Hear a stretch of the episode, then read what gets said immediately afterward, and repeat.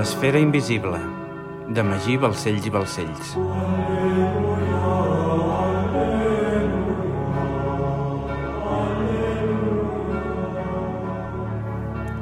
Capítol 18. Graner de Catalunya. Divendres, 25 d'octubre de 1303. Barcelona, Principat de Catalunya. Era un dia de vent i fred. Entre els estrets carrers de la capital catalana semblava que l'aire era més benèvol, però tot i així, les robes esteses i els porticons de les cases es movien violentament, causant un gran desordre visual que convidava a replegar-se a l'interior de les cases. Joan Roca era a la catedral, dirigint les obres amb el seu tiet, Feia més de mitja hora que ressonaven tots els campanars de la ciutat de forma incessant. El fort i canviant vent deformava el so de les campanes, produint una estranya sensació de moviment que marejava la gent del carrer. Eh, «Quina festa és? És que no pararan mai aquestes campanes?» va dir Gelabert enfadat al seu nebot Joan. Joan va encongir-se d'espatlles i va seguir amb la feina, perdut en els seus pensaments. Feia aproximadament un any que havia acabat el seminari però de tota manera seguia estudiant pel seu propi compte. No podia deixar de pensar en el que li havia explicat el vell Garau i tot sovint s'abadia del món enfonsant-se en la seva ment per pensar. Quan no treballava a la catedral, reflexionava, llegia, escrivia i pensava de forma constant. No ho podia evitar. Molts dels diners que guanyava se'ls gastava en llibres, i quan arribava al vespre i s'acabava la seva jornada de treball, es tancava a casa amb una petita espelma i llegia durant hores i hores. Garau de Montcada, havia aconseguit que el noi tingués una immensa curiositat pel món i Joan li estava eternament agraït. Sense ell mai hauria après tant. Malgrat que ja feia més d'un any, tot sovint pensava en ell i en l'últim cop que el va veure. Pocs dies després que Garau es trastornés, el vell templer va trobar la mort de forma natural. Malgrat que quedaven uns dies per acabar el seminari, les autoritats templeres van convenir que Joan Roca ja havia assolit els coneixements necessaris i, per tant, les últimes paraules que Garau havia dit a Joan havien provocat moltes noves preguntes al jove, preguntes que havien quedat sense resposta. «No pararan mai aquestes campanes?» va dir Gelabert, fent desistir a Joan dels seus pensaments. «Tocaran durant una hora», va dir un monjo que per allà passava. «Tant?»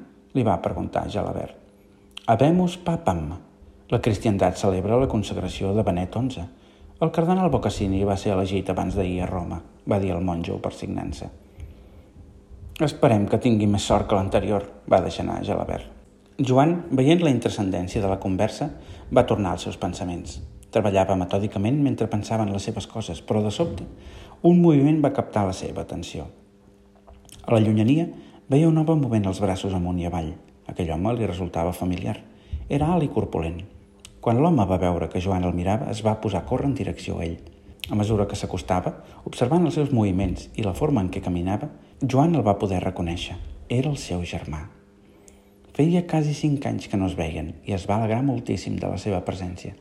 No obstant això, que el seu germà fos a Barcelona en lloc de ser al poble treballant amb el seu pare significava que havia passat alguna cosa dolenta. Joan, com has crescut? Ets tot un home, li va dir el seu germà tot abraçant-lo. Què hi fas a Barcelona, Pere? li va dir Joan. Com està el pare? Pere es va quedar callat, mirant el seu germà amb cara de preocupació, i al cap d'uns instants va dir «El pare està pres al castell del senyor». «Com? Per què?» va exclamar Joan, preocupat. «Suposadament per no haver complert amb el dret de tragir del senyor», va dir Pere. «Desgraciat», va dir Joan, coneixent la crueltat del senyor. «Eh, «Quant temps fa que està pres?» «Cinc mesos», va dir Pere. «Cinc mesos empresonat pel dret de tragir? És una excusa, li va dir Pere. Una excusa? va preguntar Joan, sorprès. Què vols dir? Necessito menjar, Joan. Fa dos dies que no menjo i és una llarga història, va dir Pere. Eh, per descomptat, anem a casa els tiets. Gelabert va donar el dia lliure a Joan i aquest va marxar amb el seu germà a casa per donar-li alguna cosa de menjar. Entrant a la gran casa senyorial de Gelabert, Pere va quedar bocabadat de la grandesa del lloc. Li semblava increïble que la seva tieta i Joan poguessin viure en aquells luxes.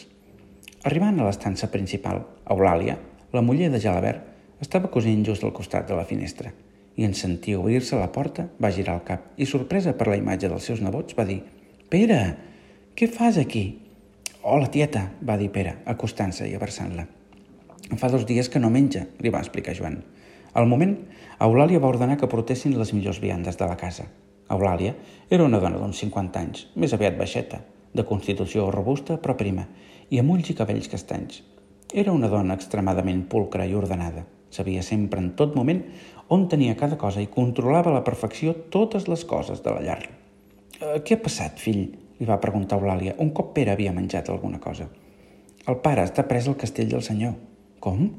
Per què?», va preguntar ella, sorpresa, coneixent la diligència del seu germà Magí. Eh, «Suposadament, per no haver complert amb el deure i de tragir», explicava Pere. «Però m'ensumo que no és més que una excusa. Eh, fa un temps ens va venir a trobar Beatriu de Caral a la plaça de Ligeris i ens va explicar que havia rebut carta del seu pare assegurant que Maria era viva i que tenia un fill. Maria és viva?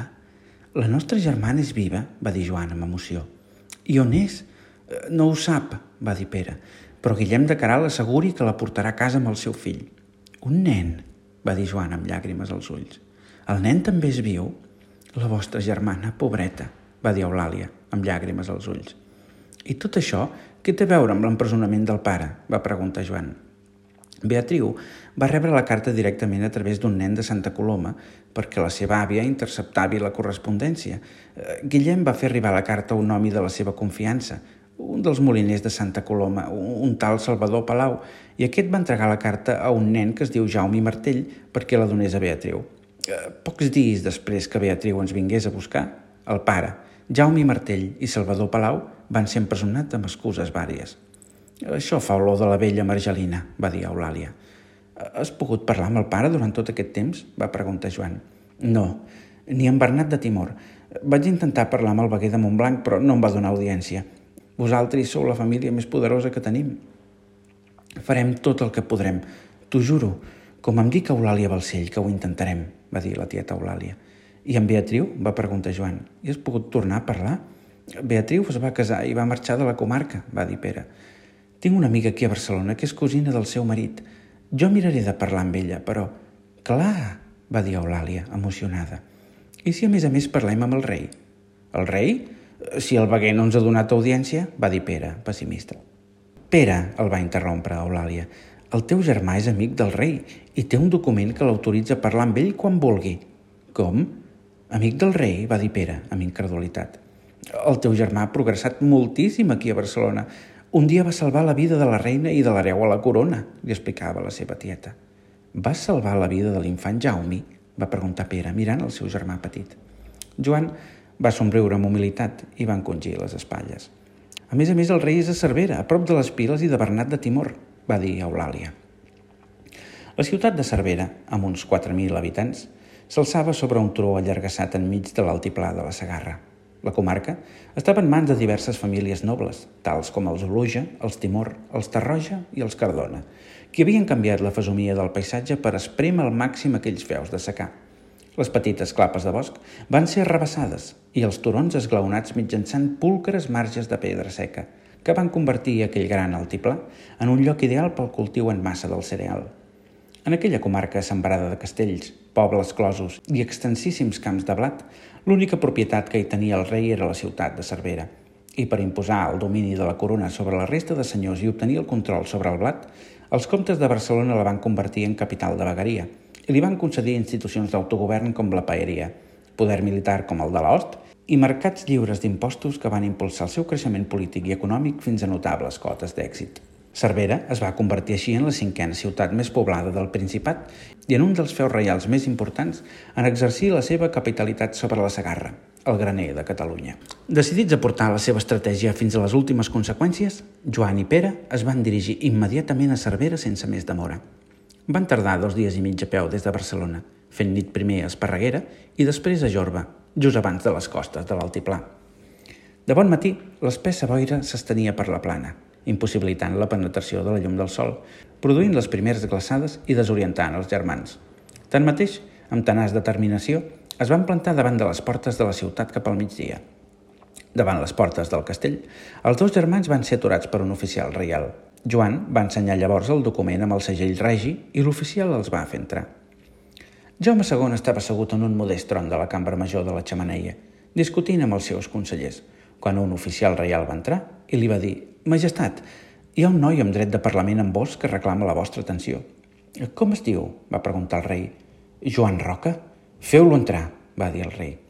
Majestat, hi ha temes més urgents que... va dir un dels consellers del rei. Aquest noi va salvar la vida de l'hereu, va cridar el rei. Estem en deute amb ell. Joan i Pere van entrar plens d'humilitat, escrutats per la impertinent mirada d'alguns consellers. Joan, va dir el rei alçant-se, eh, què puc fer per tu? Eh, majestat, he vingut amb el meu germà, Pere Balcell, perquè intervingueu en favor del nostre pare, va dir Joan. Balcell? Eh, no us dèieu Roca? va preguntar un dels consellers reials. Em deia Joan Balcell, fins que el meu oncle Gelabert Roca em va adoptar, va explicar Joan. Sou l'afillat del mestre d'obres de la catedral de Barcelona? va preguntar sorprès el conseller. Què li passa al vostre pare? va dir el rei. Està pres al castell del seu senyor per una falta que mai ha comès, va respondre Joan. Ho podeu provar, això que dieu? va inquirir un dels consellers. No ho puc provar, però jo ho sé, va dir Joan amb autoritat. La meva germana Maria va ser desterrada fa anys i Guillem de Caral i Anglesola ens va jurar que un dia la tornaria a casa. Guillem de Caral? va dir el rei, pensatiu. L'última cosa que sé d'ell és que era majordom de Dalmau de Rocabertí i que va alliberar el gran mestre de l'ordre del temple, però què hi té a veure ell amb el vostre pare? Quan la meva germana Maria va ser desterrada estava embarassada i portava un fill de Guillem al ventre. Per això la vol tornar a casa. Un dia Guillem va fer arribar una carta a la seva filla Beatriu dient-li que la nostra germana i el seu fill eren vius i Beatriu va venir a trobar el meu pare per explicar-li.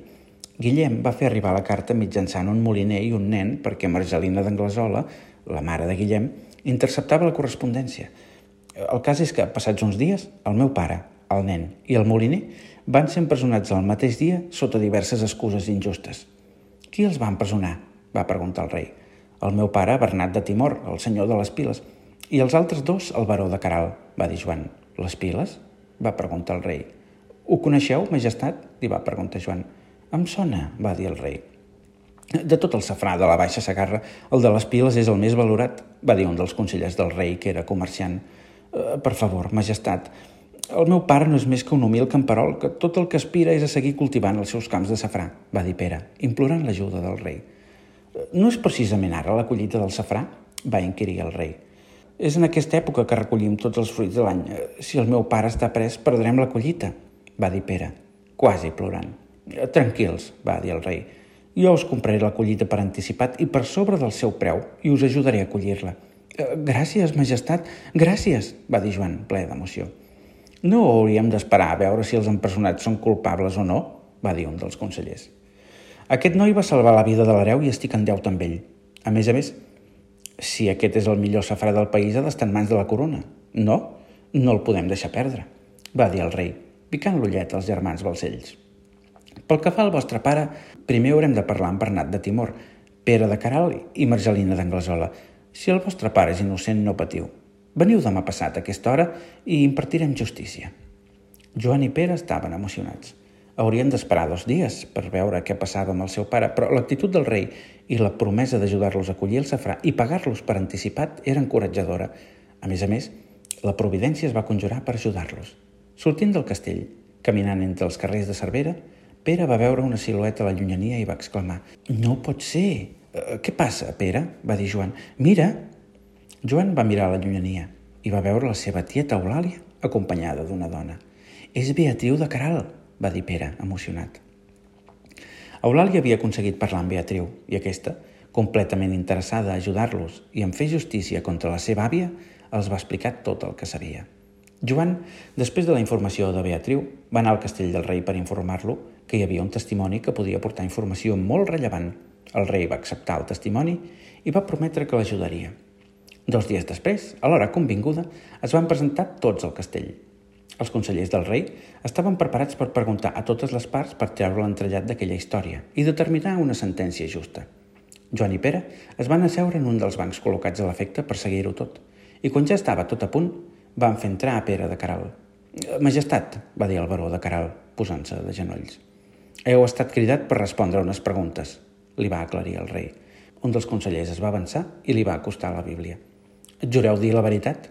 El baró va jurar i uns instants després el conseller reial li va preguntar Jaume Martell i Salvador Palau són presoners vostres des del mes de maig.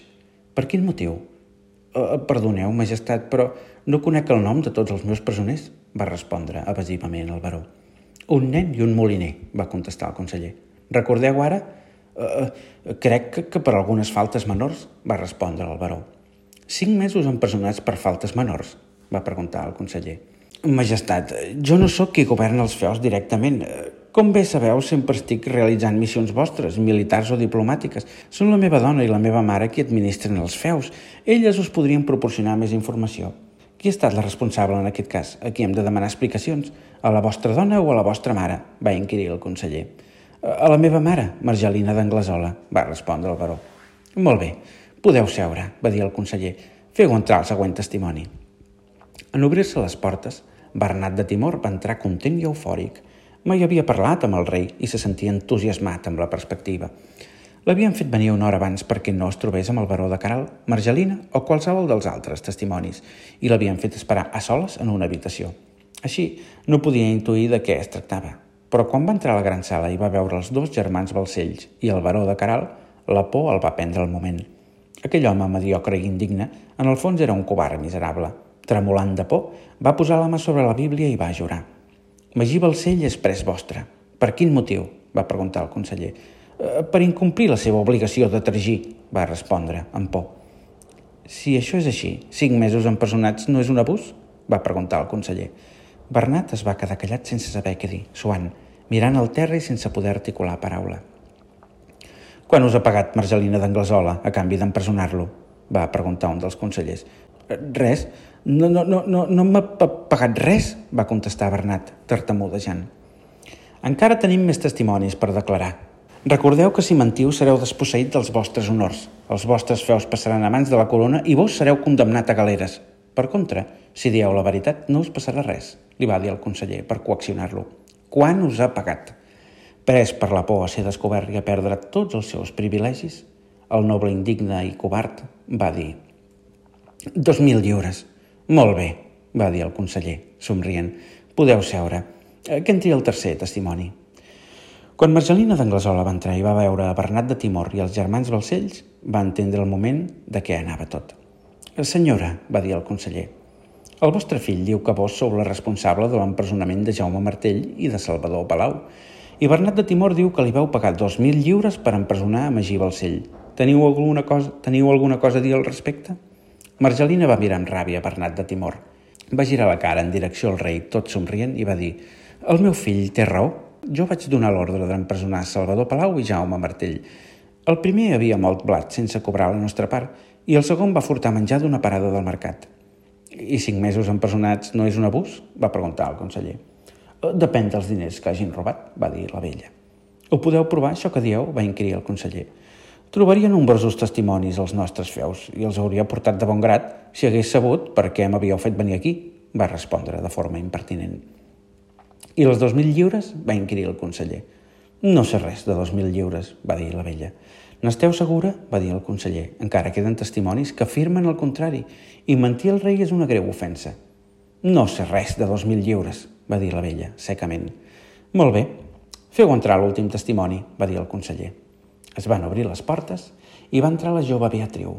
Al moment, Margelina va sentir una suor que li va recórrer el cos sencer. Quina relació hi ha entre Magí Balcell, Jaume Martell i Salvador Palau? va preguntar el conseller Beatriu, un cop aquesta havia jurat. Un dia, el meu pare em va fer arribar una carta mitjançant en Salvador i en Jaume, va contestar la noia. Per què us va enviar la missiva a través d'aquestes persones? va preguntar el conseller. El meu pare volia trobar algú de confiança perquè la meva àvia sempre intercepta les missives, deia Beatriu. Per això la va enviar un dels seus homes de confiança, el Salvador, aquest, coneixent a la meva àvia, va fer servir un nen, el Jaume. Margelina mirava amb ràbia la seva neta i li bullia la sang. De bon grat hauria avançat cap a Beatriu per creuar-li la cara amb una bufetada, però es va haver de contenir. Margelina va tenir coneixement de la carta en algun moment? va inquirir el conseller. Sí, va respondre Beatriu mirant a la seva àvia. Un dels seus homes ens va veure i li va explicar. Aquell mateix dia la meva àvia em va preguntar sobre el contingut de la carta. Em va amenaçar i em va dir literalment que tard o d'hora m'ho diràs. I si no m'ho dius tu, ja trobaré la manera de fer cantar el vell i els dos imbècils que han portat la carta. I va afegir, m'inventaré qualsevol excusa i els empresonaré els tres fins que parlin. Aquell mateix dia, la meva àvia em va tancar en una habitació del castell de Caral i uns dies després vaig poder escoltar una conversa de l'habitació del costat. La conversa era entre la meva àvia i Bernat de Timor i la meva àvia li oferia 2.000 lliures per empresonar Magí Balcell. Molt bé, És suficient, podeu seure, va dir el conseller. Teniu alguna cosa a dir, Margelina? La vella es va alçar. Va mirar el rei i va dir Majestat, una mare estima els seus fills per sobre de tot. El meu fill, com bé sabreu, va ser el responsable directe de l'alliberament de Jacques de Molay, però va ser ferit a la cuixa en batalla. Aquesta era tota la informació que jo tenia fins al moment. Davant les negatives de Beatriu a informar-me del contingut de la carta, no vaig tenir més remei. Si la meva neta m'hagués informat, res d'això hauria passat. Sou conscient que les constitucions catalanes estableixen que ningú pot ser empresonat per faltes menors? va dir el conseller. Sí, en sóc conscient, va dir la vella. Però ha estat perquè m'hi he vist forçada. Us demano disculpes, majestat. Vos sabeu bé la lleialtat dels Caral amb la corona. Sempre hem estat al vostre costat. Sempre. Eh, vos sou el nostre senyor i n'estic orgullosa. El meu sogre va participar amb el vostre avi en la conquesta de València. El meu marit va ser el mirall de la flota del vostre pare. El meu fill és ambaixador vostre i jo mateixa vaig informar a Ramon Llull de la perillositat de Leonor de Sicília per la corona, fet que va salvar el papa i a Jacques de Molay d'una emboscada a París. Però no d'una emboscada Nanyi, va dir el rei. Conec i valoro els serveis que els Caral presten i han prestat a la corona. Però la llei és la llei. Magí Balcell, Salvador Palau i Jaume Martell seran alliberats immediatament i Bernat de Timor i Margelina d'Anglesola pagaran una sanció de 3.000 lliures cadascun per haver incomplert les constitucions catalanes. Margelina d'Anglesola va respirar alleujada en saber que es tractava només d'una miserable sanció. Però tot i així, haver-se de veure en aquelles condicions havia estat un dur atac contra el seu honor i es va jurar a si mateixa que els responsables de tot allò pagarien un preu molt alt per haver embrutat el nom dels Caral. Sortint d'allà, Joan, Pere, Eulàlia i Beatriu van emprendre el camí cap al sud, direcció a les piles. Se sentien triomfants i eufòrics. Els acompanyaven 20 oficials reials que els ajudarien a recol·lectar el safrà. Vers el sud, l'altiplà s'anava elevant a poc a poc i cada cop era més accidentat, fins a topar definitivament amb la serralada prelitoral catalana. Els camps de cereal, com més al sud i més altitud prenien, cedien el seu lloc de forma progressiva als camps de safrà i a les clapes de bosc. Finalment, Just on l'altiplà i la serralada s'abraçaven de forma suau i sinuosa, dominava formós l'intens violeta de la Baixa Sagarra. La petita comarca, dividida entre la vegueria de Cervera i Montblanc, estava plena de gent recollint les flors, extraient amb paciència cada bri amb mecànica precisió.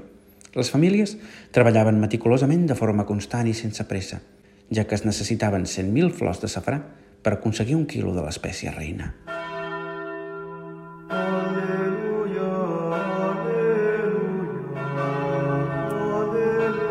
L'esfera invisible, de Magí Balcells i Balcells. Aleluia, aleluia.